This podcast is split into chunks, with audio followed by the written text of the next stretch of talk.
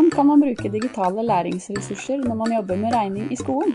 I dag skal vi snakke litt om dette både fra et elevperspektiv og fra en lærers ståsted.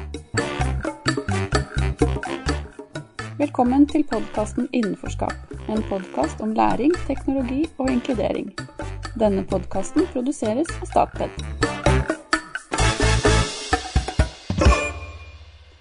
Her i læringslaben hos Statped i Oslo så sitter du, Julie Ødegård Juel. Hei. Og jeg, Inger Lene Hustuft. Vi er rådgivere i Statped, og i dag så har vi fått besøk av Ingvild Vikingsen Skogstad og Mats Johan Øgård. Velkommen til oss. Veldig hyggelig at dere ville komme hit og ta en prat med oss i dag. Tusen takk. Tusen takk. Vi tenkte at dere kunne få starte med å si litt om dere selv. Ingvild, vil du starte? Ja, det kan jeg. Eh, jeg er lærer og avdelingsleder på det vi velger å kalle en fulldigital skole. Det vil si at det er digitale verktøy som er hovedverktøyene vi bruker, men at vi tenker mye på balanse i verktøy når vi jobber. Og jeg har jobba digitalt i eh, fire år nå. Mm. Eh, ja, jeg er Mats. Jeg jobber som eh, animatør og illustratør, men også spesialpedagog. Jeg har dysleksi og dyskalkuli og drar rundt og holder foredrag om hvordan dette er og føles. Lager filmer bl.a. om ja, ADHD, dysleksi, alt innenfor spesialpedagogikk. Kjempefint. Så hyggelig. Ingvild, kan du si litt om hvordan dere jobber på Knappskog skole med digital teknologi og regning? Det kan jeg gjøre. Eh, hos oss så er vi opptatt av at alle elevene skal møte mestring på sitt nivå, uansett hva utfordringer de har. Eh, vi jobber på en måte som gjør at de digitale verktøyene skal brukes der de gir mer motivasjon og læring. Og vi er opptatt av å ta inn eh, de verktøyene som ikke er digitale, også der det gir mer motivasjon og læring. Vi er opptatt av at vi skal bruke konkret i tillegg i matematikkundervisninga. Vi er opptatt av å bruke spill i undervisning. Praktisk, logisk tenking og eh, fysisk aktivitet. Vi ønsker at våre elever skal være fysisk aktive i alle fag. Ikke nødvendigvis i alle timer, men i alle fag. Så bruker vi mye omvendt undervisning, og de vi har frigjort oss mye fra lærebøkene. Det vil si at målet vårt er ikke å være lærebokfri, men å være fri fra læreboka. Og da er det jo bruker vi mye baklengs planlegging for å legge til rette for læringsøkt. Og det å også gått fra å kalle det for undervisning til å kalle det for læring. Det er elevene som skal lære i timene våre. Så spennende. Kan du si litt mer om hvordan, eh, hvordan dere planlegger undervisningen? med den baklengs planlegging? Ja, baklengs planlegging vil jo si at man først går ut ifra læreplanen. Nå er det jo foreløpig Kunnskapsløftet, så blir det fagfornyinga. Finne ut hva mål vi vil elevene skal lære.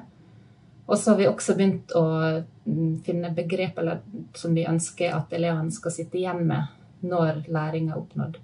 Så i matte er det jo og i regning er det ulike liksom, likhetstegn er likevekt. Det er mange begrep som er viktige for elevene i videre læring. Når vi har funnet mål og begrep, så er det å finne ut hvordan vi skal se, eller hvordan elevene skal vise oss at de har lært. Altså hva produkt vil vi at de skal levere eller lage.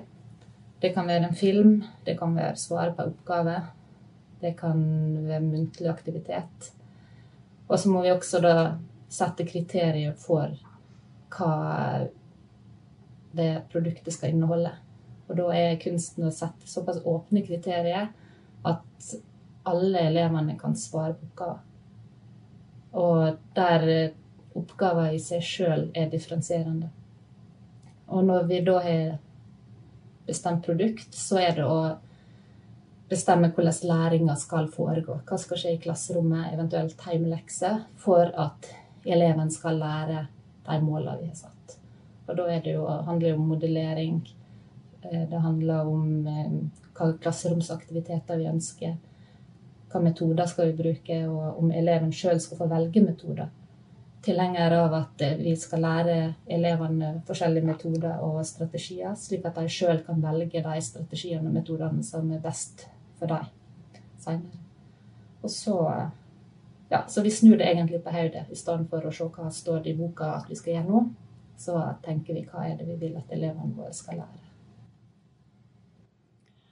Det høres jo også ut som eh, en metodikk som inkluderer alle elevene som eh, er i en klasse. Og det har dere helt sikkert tenkt igjennom, men det, kan du si noe om det også? Ja, Det vi ser er jo at det er spesielt den her midtbolken, det her med å sette kriterier for produkt, med å sette åpne kriterier, så får vi med alle elevene. Nok alle klarer å lage produkt med åpne kriterier. Noen må ha eh, voksenstøtte for å nå dem, mens andre klarer det uten. Men vi er fokus på det med hjelpemiddel, at vi skal klare å nå målene våre, men med de hjelpemidlene vi trenger for å klare det. Og da er jo hjelpemidler forskjellige. Men vi er opptatt av at alle elevene våre skal få bruke de hjelpemidlene de trenger. Mm. Eh, kanskje du, Mats, kan si litt om hva du tenker eh, når du hører Ingvild eh, snakke om det. Kanskje du kan fortelle litt om dine erfaringer fra skolen, og om hvordan du tenker det hadde vært å vært eleven til Ingvild? Ja, jeg er klar for å bli elev med en gang. Ja. Det, høres ut som en drøm. Jeg skulle ønske jeg hadde deg som lærer. Fordi det, akkurat det du snakker om der, er jo de tingene jeg snakker om i, i det jeg gjør også. At hvor viktig det er å finne sin mestring i det å lære, og fokus på å lære, og ikke bare hva skal jeg si, pugge det. Eh, du brukte et ord, jeg husker ikke hva det var. Men, men eh, ja. Jeg er, jeg er, Hva skal jeg si? Det er, eh, høres fantastisk ut. eh, når det gjelder meg sjøl, eh, med, med, både dysleksi og dyskalkuli gjennom, gjennom skolegangen, var tøft. Og eh, enkelte ganger fortsatt er tøft eh, i, nå som jeg jobber. Eh, så det er jo mye matte, blant annet, man kommer i kontakt med. Eh, jeg var jo den som satt med lekser seks til åtte timer etter skolen hver dag. Og mye av den tiden ble brukt til matteoppgaver. Eh, og da, selv om min far gjorde sitt beste med å forklare meg hva, hva som var, hvordan det fungerte, så var jeg jo utslitt på alle mulige måter. Og um, når, i tillegg da med dysleksien, da, at når du får en tekstoppgave Du har ikke sjans, altså Er det pluss gangen eller minus? Hva, hva, hva, er det for noe? Jeg vet ikke.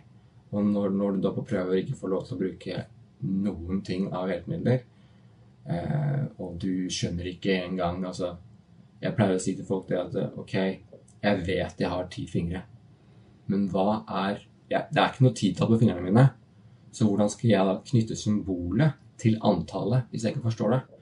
Så gjennom min, mine år med å finne ut hvordan, dette, hvordan min egen hjerne fungerer, da, så har jeg funnet ut at jeg er nødt til å putte det inn på eh, måter I mitt tilfelle da bilder.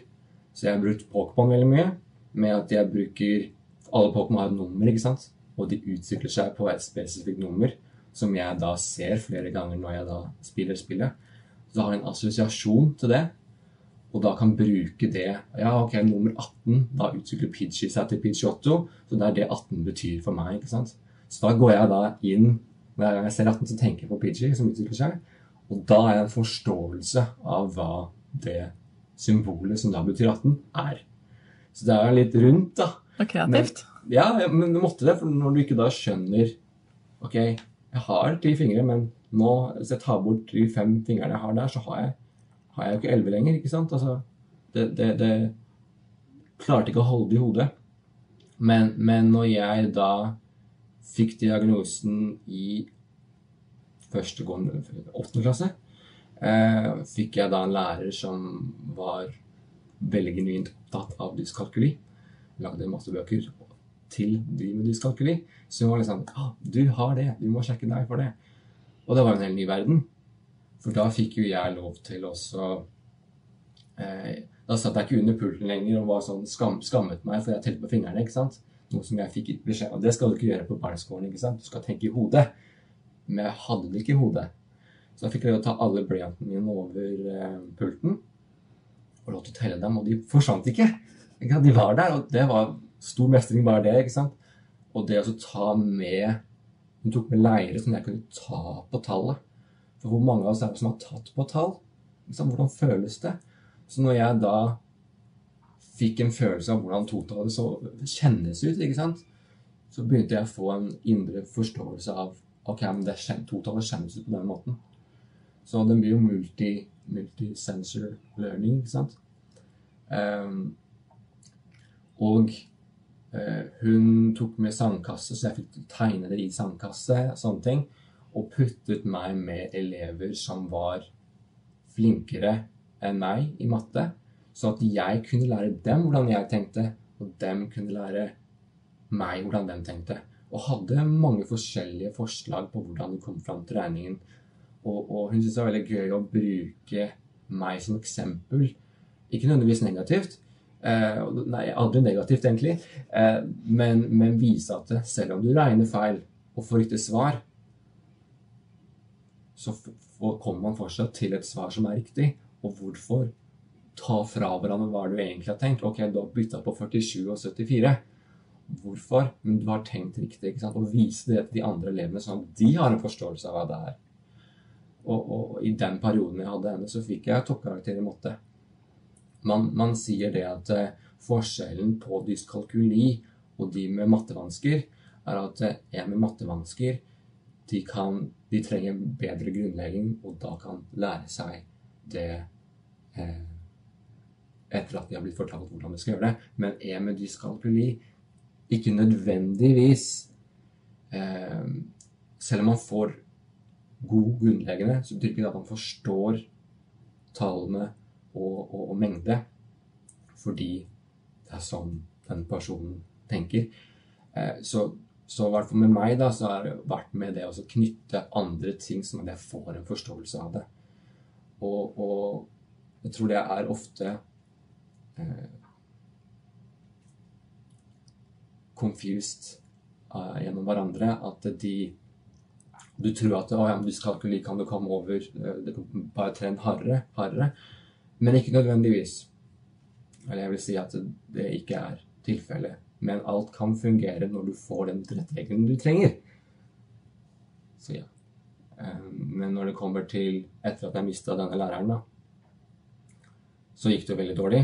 Og, og um, jeg fikk ikke den hjelpen jeg trengte, og da førte det jo rett ned eh, til eh, feilkarakterer og um, dårlige miner, egentlig. Eh, Feila matteeksamen opptil flere ganger.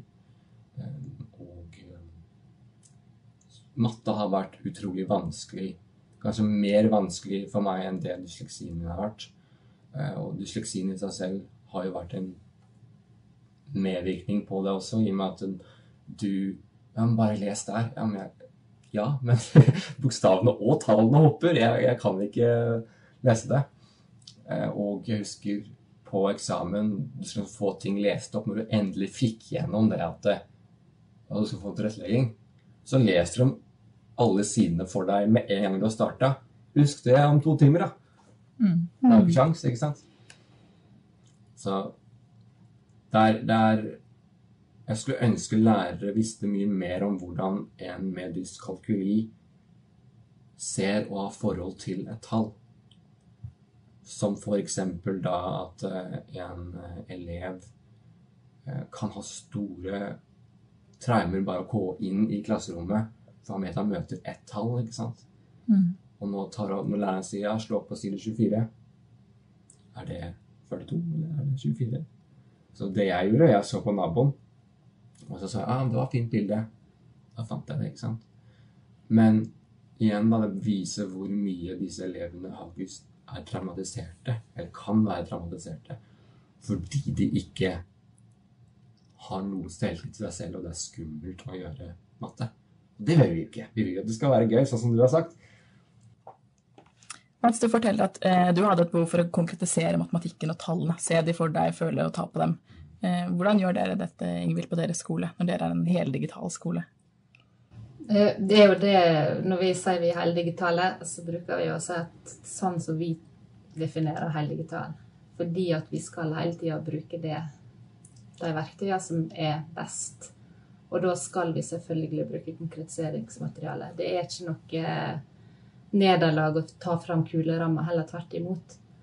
At du kan ha kuleramma og skjermen på pulten samtidig.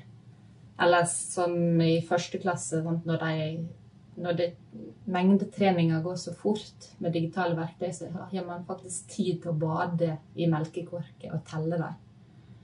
Eh, og vi kan ikke google oss til alt mulig. Vi må ta og føle på. Du kan ikke google deg fram til hvor lang en meter er, f.eks. Den må du faktisk erfare.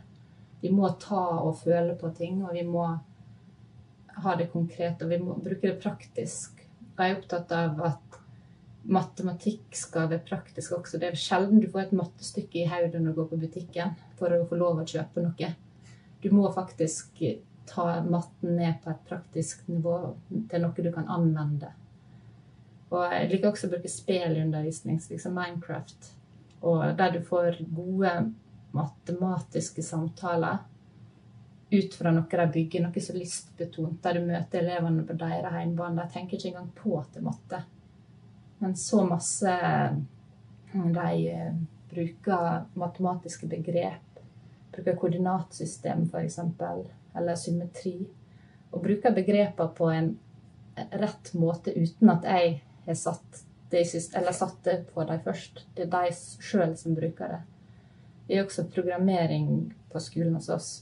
Én time per klasse hver uke.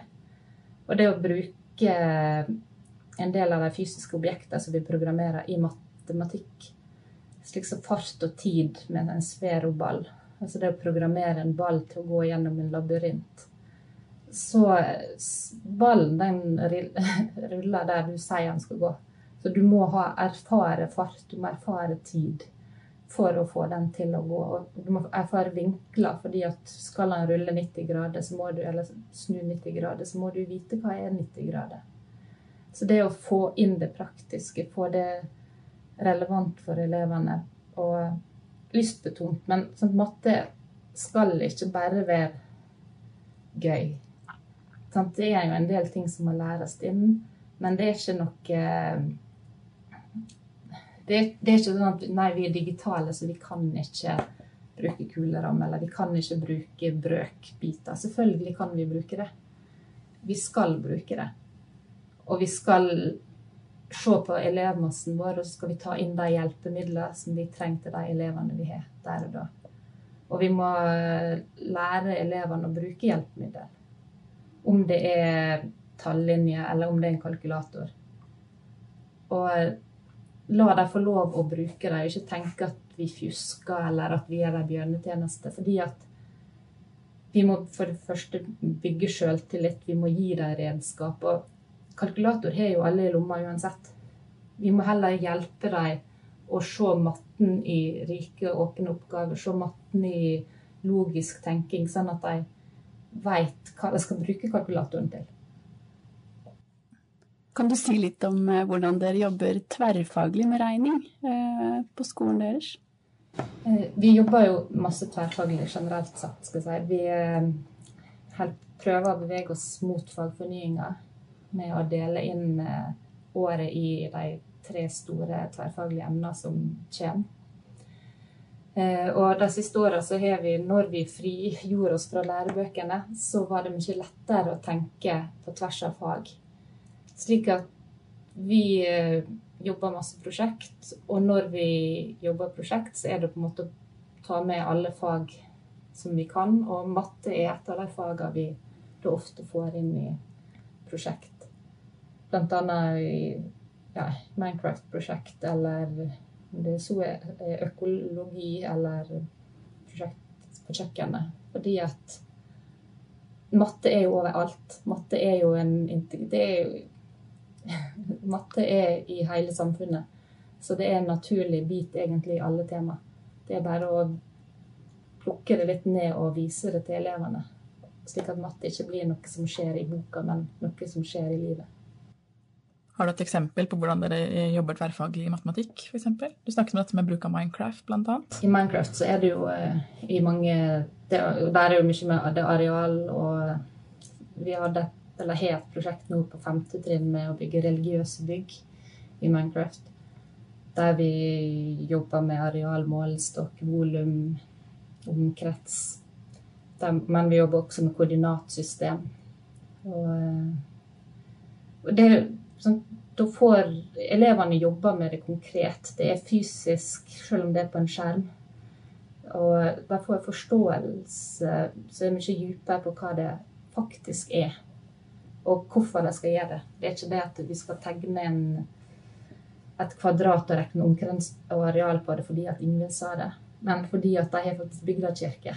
Og de lurer faktisk på hvor stor den ble. Og eh, vi 3D-printer også de byggverkene vi har sånn at de i etterkant kan stå med den i hånda og kjenne på og se og sjekke at det faktisk ble symmetrisk. Så um, ja, matte er, er egentlig veldig kjekt. Men vi må hjelpe elevene av og til til å se det. Mm. Mats, er det noen eh, digitale ressurser eh, som du har opplevd å ha nytte av eh, opp gjennom skolen og, og etterpå? Mm. Det er det. Jeg eh, har brukt og bruker aktivt Excel og ikke bare med matte, men også til, til eh, å strukturere hverdagen min. Eh, og jeg bruker veldig mye alarm på telefonen. For det har med forståelse av tid å gjøre, ikke sant? noe som jeg sliter mye med. Eh, så bruker jeg kalkulator, selvfølgelig, på, på alt som jeg kan bruke på. Og generelt med, egentlig med alle prosjekter jeg har, så bruker jeg Powerpoint en god del. Men, men også i tillegg til da disse tingene, så blir det mye som jeg sa i stad, det med å assosiere til f.eks. at jeg bruker Pokémon eller andre ting som jeg har gjort til et læringsmateriale eh, for meg selv og det er noe jeg stadig vekk utvikler. Jeg bruker selvfølgelig også Lingdys og Lingwright og CDOR eh, og egentlig alle disse lesehjelpeprogrammene. I, I, både det ene og det andre faget når jeg gikk på skolen, og nå når jeg skriver tekster på jobb. Har dere, eh, deres elever disse støtteappene tilgjengelig, Ingvild? Vi er opptatt av at eh, alle elevene våre skal få bruke hjelpemiddel. Slik så når det kommer til talesyntese, så har vi Interwords til alle elevene våre. Og så har vi jo eh, Lingvis Right til elever som trenger litt ekstra. For det er noe med at alle trenger talesyntese på sitt nivå. Noen trenger det på bokstaver, noen på ord, andre på setning og andre på tekst, eller hele teksten. Fordi at vi har alle bruk for hjelpemiddel og for våre egne læringsprosesser. Og eh, så er det viktig at vi eh, avmystifiserer hjelpemiddel. Og som jeg sa i stad, det her at hjelpemiddel er ikke fusk. Hjelpemiddel er der for å hjelpe til, for å oppnå mer læring, ikke for, ikke for fjusk. Og jeg tenker til og med så langt at hvis oppgaven er sånn at du kan fjuske med hjelpemiddel, så er det oppgaven som er problemet, og ikke hjelpemiddelet. At vi må faktisk legge opp til oppgaver både i matte og i andre fag der elevene får lov å bruke hjelpemiddel for å vise at de har lært. Og det å være opptatt av prosess og ikke nødvendigvis svaret. Hvordan har du tenkt? Hva har du gjort her? Og så får eh, svaret heller komme litt sånn sekundært nedi der. For det er prosessen som er det viktige. Og ja, tankebanen, tankerekken til elevene. Og ikke minst dialogen mellom elever, eller mellom lærer og elev i den prosessen. Det med å bruke I mitt tilfelle å bruke tegning som notater for å bedre forstå teksten eller oppgaven, er noe jeg aktivt bruker. Og video er, uh, har jeg brukt masse, og det som reddet meg, spesielt når det var vanskelig å lese, ikke sant? Så, så var video redningen. Og sånn jeg lærte bl.a. engelsk. Ikke sant? Mm. Eh. Både til innlæring og eh, til å formidle kunnskapen din, da, som du absolutt, bruker video? Absolutt begge deler. Det er også å flere ganger spurt læreren kan jeg få lov til å lage video eller lydfil for, for, for å svare på det, eller ha presentasjon, noe som jeg faktisk har krav på som dyslektiker, enn å skrive det ned. For da går tankene og, og skriver feil vei, ikke sant. Så da kan du få et helt ansvar, ikke sant. Så det har begge veier absolutt vært eh, nødvendig. Og det er noe dere gjør også hos dere? Det er det. Eh, vi bruker eh, omvendt undervisning en del i matte med videofilmer der elevene ser filmer om det vi skal lære, og de kan se i sitt tempo. Jeg bruker det ofte på skolen også, sånn at jeg kan veilede elevene gjennom filmene. Og jeg bruker det også som svar til å bruke flipgrid, at elevene kan svare ved hjelp av video. På, spesielt på småtrinnet så bruker læreren mye det at de leser inn oppgavene. At de legger ved lydfiler. Og elevene kan også svare med lydfiler. At vi prøver å jobbe med både lyd og bilde for at elevene skal møte mestring. Og med film er jo det, det er fantastisk at du kan se det flere ganger. Du får både bilde og lyd. Uh, som lærer, når jeg ser på en Flipgrid-film om en algoritme f.eks., så kan jeg sjekke hvordan eleven faktisk tenker. Om det er misoppfatninger. Om det er ting som jeg må gå inn og hjelpe dem med, støtte dem videre på, eller om de har forstått det. Eller jeg kan se hvordan de tenker i logiske oppgaver. Når det gjelder undervisningsfilmer, så um, kan elevene gå tilbake og se. Hvis de ikke helt husker hvordan de gjorde en oppgave, så kan de gå tilbake og se filmen en gang til. Hvis de har skjønt et tema, så kan de gå videre til neste film. Det er ikke sånn lenger hos meg at alle elever skal gjøre de samme oppgavene samtidig. Men innenfor et tema så kan de jobbe på forskjellige plasser. Eh, før var det veldig ofte sånn at eh, alle elevene skulle gjøre det samme. Hadde, først gikk vi gjennom et tema, og så skulle elevene jobbe. Og så når timen var slutt, så var det noen som fortsatt ikke var kommet i gang.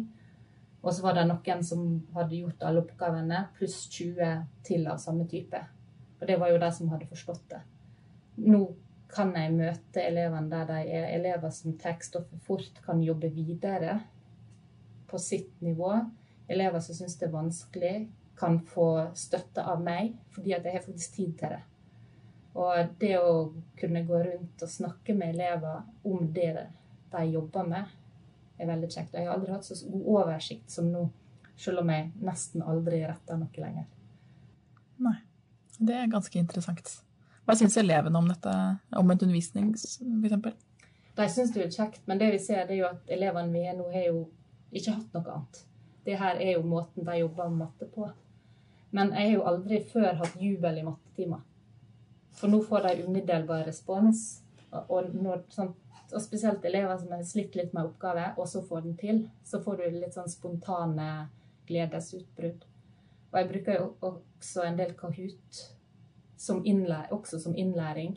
Og nå er det veldig greit. Det er en sånn eh, at jeg definerer Eller de får bare gitte navn, sånn at vi vet ikke hvem som svarer hva, slik at alle kan på en måte sitte og svare. Og så lærer vi underveis, eller ved diskusjon i, i eh, Kikora der ikke det går an å se hvem som har svart hva, men du kan eh, fokusere på prosessen. Altså hva har du tenkt for å finne det svaret her? Så det å bruke både film, bruke alle de her digitale mulighetene som ikke er bok, rett og slett. Jeg tror ikke jeg har sett en mattebok på tre år, og jeg savner den ikke i det hele tatt. Når jeg ble digital for fire år siden, så trodde jeg at matte var det faget som var vanskeligst å frigjøre seg fra boka, men nå er det virkelig det faget jeg ser størst mulighet i. Og det Ja, jeg har aldri hatt så engasjerte matteelever som jeg er nå. Føler du at eh, du bruker mer, eh, mer, eller mindre tid til planlegging nå enn før, da du brukte boka i større grad? Det er det mange lærere som syns er litt vanskelig. Det med tidsbruken der, om det tar lengre tid å planlegge? Eh, I starten så brukte jeg vel mer tid på planlegging, men jeg hadde jo ikke etterarbeid. Fordi at det er så gjennomsiktig det elevene gjør, at du klarer jo å oppdatere på elevene i timen. Og jeg gikk fort over til at jeg ikke retta det elevene gjorde, men at vi retta det i en samtale. At vi hadde, vi hadde en diskusjon med, med prosessframgangsmåter i klasserommet i stedet for at jeg gikk inn og retta. For det jeg så da når jeg retta, det var jo at jeg retta de samme feilene hver uke. For elever går jo Ja, hvis du gjør masse feil, så går du i hvert fall ikke inn for å se at du gjorde feil denne veka også. Eh, har du masse rett, så går du heller ikke inn. Sånn, elever, i hvert fall på barneskolen, har sjelden den indre driven at de går inn for å se hva de har gjort feil, for å forbedre seg til neste uke. Slik at vi tar det heller som en prosess i klasserommet der vi får diskutert matte, og heller lære noe av også retteprosessen. Eh, så eh, jeg vil jo si at jeg har mindre Jeg har ikke etterarbeid, som sagt. Og etter hvert så veit jeg jo hvor jeg skal finne det jeg trenger. Så Men bruk, det er jo mest tankeprosesser, da, på en måte, å tenke. Fordi at man vil jo alltid forbedre seg. Jeg vil jo hele tida også ha mer praktisk arbeid enn hva jeg gjør nå. Sånn at i mattefaget nå så er det mer den her Å, hvordan kan jeg forbedre undervisninga mi? Å finne bedre opplegg. Og morsommere opplegg. Mer lærerikt, mer praktisk. Så det er jo det å utfordre seg sjøl på det. Mm. Så eh, virker det som at dere har en sånn helhetlig satsing på skolen, så det er kanskje en sånn delingskultur hvor dere deler erfaringer mellom kollegaer også? Ja, vi har veldig delingskultur fra erfaringsdeling er fast del på alle personalmøter, f.eks. Og vi deler også Vi bruker OneNote på mellomtrinnet som lærebok og kladdebok, og så bruker man Showbee som delingsplattform på de minste. Og da er det sånn at de andre lærerne som har klasse over under, de er i samme bøkene, sånn at vi kan se hva opplegg som andre har kjørt, og så kan vi låne og forbedre hvis vi ønsker det. Og så vet vi hele tida at vi kan spørre andre om hjelp hvis det er noe vi står litt fast i, eller hvis vi hørte at noen hadde et gøy prosjekt, så kan vi spørre om å få låne det, og da får vi det. Så fint. Da blir det ikke så sårbart heller med den enkelte lærer. Nei, det, det er viktig at Og det jobber vi jo med å sikre også med nye årsplaner og temaplaner nå, at alle våre elever skal møte det samme i klasserommet. Mm. Det fortalte du, eh, du i stad, Mats, at det var den ene læreren som så deg og la veldig til rette for deg. Da fikk du vist det du, det du kunne. Absolutt. Men at det var veldig sårbart da når hun sluttet. Ja, veldig sårbart. Da gikk det fort nedover i mm. kvalitet, for å si det sånn. Mm. Og forståelse, ikke minst. Jeg, jeg syns det er veldig interessant det du sier med at du retter med eleven.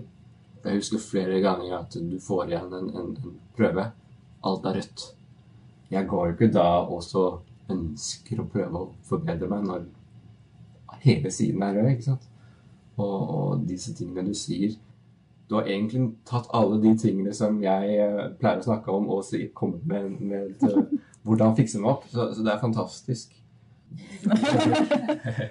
Skolen eh, Det var læreren og eneste læreren som og ofte kranglet med lærere for å få lov til å gjøre mine metoder da, og, og, stått på mine krav og sagt jeg forventer at du gir meg tilrettelegging på denne, denne, denne måten. Hvis ikke så kan ikke jeg presistere som jeg og du ønsker jeg skal gjøre. Og noen lærere de skjønner ikke det, og vil helst at du sitter pent og pent på en pult, og spesielt ikke tegner, ikke sant. Og, og ikke vil at du skal bruke PC, f.eks. Og da er det komplisert. Da har jo du en veldig innsikt i dine egne vansker og forteller om dem og har vært åpen om dem hele tiden. Er det noen andre sånn, suksesskriterier du tenker som har vært eh, grunnlag for at du har kommet så langt som du har i dag? Absolutt. Eh, jeg Når jeg fikk min diagnose eh, dysleksi, så skjønte jeg at ah, jeg er ikke, jeg er ikke dum, nei. Jeg må gjøre ting på en annen måte. Men hvis det er ingen her som kan fortelle meg hvordan jeg, min måte er, så må jeg gå inn i meg selv og finne ut hva er det jeg gjør da, som kan gjøre at jeg faktisk kan få suksess. Og jeg brukte mye tid på å se ok, hva er det jeg faktisk Når er det jeg har det bra, og når er det jeg har det dårlig? Hva, hva, når jeg har det bra, hvordan kan jeg putte det inn i det når jeg har det dårlig? Og hvordan er det jeg tenker? Så hele tiden, som da, da jeg var tolv år da jeg fikk diagnosen, begynte jeg å tenke hvorfor gjør jeg dette? Hva er det jeg kan gjøre for å bruke de evnene jeg har, så jeg faktisk kan lære meg de tingene jeg må lære og vil lære? Så ansvar for min egen læring. For det er ingen som kunne fortelle meg hva jeg skulle gjøre. ikke sant? Og, og, og det har absolutt vært driven min. Hvem er jeg, og hvordan tenker jeg, og hvorfor tenker jeg på den måten? Hvordan kan jeg hele tiden forbedre det? Og i den prosessen så fant jeg også ut at jeg var jo veldig deprimert. Ja, og det å gå gjennom alle de årene med å bare liksom, slått i hodevesenet ikke sant? av alle disse problemene du får høre at Nei, du kommer aldri til å bli noe. Nei, du har ikke håp for deg, og sånne ting. Og skjønne at Å ja, men vet du hva hvordan kan jeg få det bedre med meg selv? Så jeg begynte å se meg selv i speilet. ikke sant? Fortell deg meg selv alle disse tingene. Mats, du er flink. Ok, i dag var det vanskelig, men du er fin på håret i dag, da. Ikke sant? Hver dag for å bygge meg selv opp. Og jeg skjønte det at det var den eneste måten jeg faktisk kunne komme opp der på. Ja, det tok tid. Ja, det tok mye arbeid. Men jeg husker veldig godt den dagen seks år etterpå. og alle er forskjellige, ikke sant? Det er forskjellige grader innenfor forskjellige fag og, og deler av seg sjøl. Men jeg husker veldig godt den dagen jeg så meg selv i speilet. Nå nå har jeg kontroll på meg sjøl. Nå, nå, er nå er jeg meg. Nå er jeg der jeg vil være. Mm. Eh, noe av det du snakker om her nå, Mats, det er jo noe som jeg også kjenner igjen fra en video du har på YouTube. Eh, en dyslektik, eh, dyslektisk eh, ninja. Ja, stemmer. Ja. Mm. Eh, om det å kanskje skjule vanskene sine litt, da. Og det å ha en lærer som ikke, som ikke forstår hvilke behov du har. I stad så snakka du om eh, et av su suksesskriteriene du hadde med, med hun læreren som, eh, som, så dine behov. Og det var å samarbeide eh, med andre elever. Samarbeid på, på, skolen din, Ingvild. med og uten digitale læringsressurser. At elevene samarbeider med hverandre i læringa. Ja, det er viktig, og det er og jeg ser jo det at etter vi har vært digitale, så er jo det noe av det vi fokuserer på. Det er jo en av det som vi kaller for 21. århundres ferdighet, det er jo ja, samarbeid og kommunikasjon. Og problemløsning. De tre henger jo tett sammen, kanskje. Spesielt når det gjelder regning og matte. Det å sammen finne løsninger. Eller det å kunne fortelle hva jeg tenker, for å både klar, klargjøre for seg sjøl hva man tenker, men også for å få vise det til noen andre. For det er noe med at idet vi setter ord på kunnskap, så blir det en større kunnskap. Da kan vi det. Men hvis vi bare har tenkt det, så er det bare en tanke. Og eh, det er jo eh, Ja, dialogisk pedagogikk er jo er jo en ting. skal jeg si. Det å, faktisk, det å utvikle læring i samarbeid og sammen med andre. Og vi ser det jo, jeg sa jo i stad at vi har programmering eller koding på timeplanen. Og det å jobbe med problemløsning i Spesielt i den programmeringa, der elevene på gruppe skal finne ut av problem med fysiske roboter eller Lego de har bygd. Og for det første det å høre samtalene dem imellom når de prøver å løse problemer. Men også se utholdenheten for å kunne løse problemet. Og det å lære dem problemløsning, algoritmisk tankegang, det å løse, bryte det ned store, komplekse problem til noe vi faktisk kan løse. Og det å stå i problemet til problemet faktisk er løst det her med å jobbe med kognitiv kondis. Og um, ja, det er kjempeviktig. Og det å seinere da ta den erfaringa de har i koding, fordi at programmering er så konkret. Det, den roboten, den går når koden din er rett. Men vi lærere vi må hjelpe elevene da til å ta den til mattefaget. f.eks. at Husker du hva du gjorde når du programmerte? Sant? Du, du brøt ned problemet, og så løste du det. Det her kan du gjøre i matte også. Sant? Hva er problemet? Altså, hvordan kan vi løse det? Hva kan du her? Og det å få den kognitive kondisen som man utvikler i koding, inn i mattefaget, og så etter hvert også i livet generelt. For problemløsning og algoritmisk tankegang handler jo egentlig om livsmestring. Det å ta de store utfordringene som kommer, de vil jo komme, og kunne bryte dem ned i løsbare element, og så løse det. Og så er det jo av og til både i mattefaget og i programmering og i andre ting ting vi faktisk ikke klarer å løse. Men det å klare å legge det til side og løse det som er løsbart, og så tenke at det her er godt nok, det her fikk jeg til, det er viktig. Og da gjør det i samhandling med andre og spille hverandre god.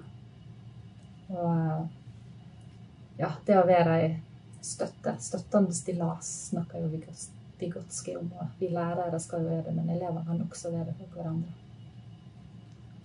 Du snakker jo veldig mye om, om denne programmering av robot. Det er veldig interessant, fordi det er jo mye av det samme prinsippet som blir brukt i animasjon. Og det er forståelse av hvor lang tid ting tar, og hvordan det Altså, som du sier, hvis ikke du plotter inn riktig nummeret, så faller ikke ballen på den måten som er, er riktig, ikke sant? Uh, og, og, det å ta det, bruke det som eksempel, er jo Jeg kunne ønske at, at det ble vist mye mer når jeg gikk på skolen. Og du, du snakker også om uh, det å fokusere på de tingene som faktisk eleven, eleven kan. Uh, og i forhold til det når man får en diagnose Jeg ser veldig på det at ja, når jeg får den diagnosen, så vet jeg hva jeg ikke kan. Men hva er det jeg kan? Hvordan kan jeg bruke det jeg kan da? Så jeg har blitt så heldig og fått en diagnose der jeg vet hva jeg ikke syns er så lett. Hvordan kan jeg bruke det jeg syns er lett, inn i det som er vanskelig? Og det er det som jeg syns er synd, er at det er så mange som fokuserer på at ja, men jeg kan jo ikke skrive fordi jeg har dysleksi. Ja, men hva kan du, da? Så kan du bruke det til å lære deg å lese og skrive. Ikke sant? Og det har jeg gjort selv. Ja, jeg leser fortsatt feil. Ja, jeg skriver feil. Men jeg vet hvordan jeg kan bruke det til min fordel, og hvordan få en bedre hverdag med det. Og jeg får ikke spaderen da når jeg da ser tallet eller bokstaven, som dessverre mange gjør. Og jeg har stor forståelse av at folk sitter fast i det. Men det vil ta tid, selvfølgelig, men det å komme seg ut av det og se men hva er det jeg kan, er veldig veldig viktig. Og Derfor er det viktig å ha gode lærere som deg, som ser og kan forebygge den mestringen, sånn at man faktisk kan overkomme de traumene eller de vanskene man, man har. Du snakker om samhold i stad. Uh, og um, jeg Det er en veldig dårlig idé det å putte folk som alle er dårlige i matte, i én klasse. Det har jeg opplevd, og det, det er ikke veldig motiverende. Og så mye at det, det fungerte overhodet ikke. Altså Det er forskjell på R-mat og hva en annen mat, V-mat, jeg vet ikke hva det heter. Men, men, men, det var jo ufattelig stor nedtur for meg, da. For det første fikk jeg ikke hjelp fordi læreren brukte så lang tid på å hysje ned de andre som ikke gjorde det de skulle, for de ville ikke være der. Så, så alt gikk ut unna. Så igjen bare det å si hvor viktig det er at klassen og læreren er et samhold. Så igjen da fortsette med det med å være i et community. Jeg har flere ganger eh, blitt tatt ut av, av, klasserommet. Og noen ganger så kan det være veldig bra. Men fra min erfaring så gjorde det vanskelig, fordi da ble jeg jo jeg, jeg, lærte jo ikke det samme som de lærte i, i klasserommet, og det er jo de tingene jeg fikk lekser om. ikke sant? Og ja, det er bra det at da ser på den delen som du er svakere på, men da blir jeg svakere på det andre også. Pluss at de må ofte da bli satt sammen med De er enten på et helt annet nivå enn deg, eller så får du eh, en lærer eller en hjelpelærer som ikke har peiling, eller ikke er på det nivået, eller klarer å formidle det på den måten du trenger. Så igjen alle er forskjellige, alle er forskjellige situasjoner. Men ofte fra min synsvinkel så sa jeg, begynte jeg å si nei, jeg vil ikke bli tatt ut. Fordi I denne studieperioden, f.eks., så vi hadde studieteknikktimer. Du kunne jobbe med hva du ville. Så jeg ville heller jobbe med de tingene som jeg, som jeg faktisk kunne komme fram til målet, da, enn å bli tatt ut av klassen og ikke, gjøre noe helt annet, eller gjøre det på en helt annen måte. Skal vi Ja, runde supertips. med noen supertips? Mm. Må gjerne tenke et lite øyeblikk først. Ja, soving. Søvn og dysleksi eller søvn og dyskalkuli. Ja. En elev med lærevansker kan bli ekstremt sliten. Og er da veldig flink til å gjemme det i tillegg. Avslutningsvis, eh, Ingvild, har du noen eh, supertips du kunne tenke deg å dele med lærere og pepperrådgivere som eh, hører på podkasten? Det er jo det jeg har sagt noen ganger, det er at man må tørre å bruke de hjelpemidlene som er, og ikke tenke på hjelpemidler som fusk, rett og slett. Og eh, utnytte det digitale potensialet, men ikke la seg binde av det. Man tørre å løsrive seg der det er best, men eh, også kaste boka. Den er fin å avslutte med.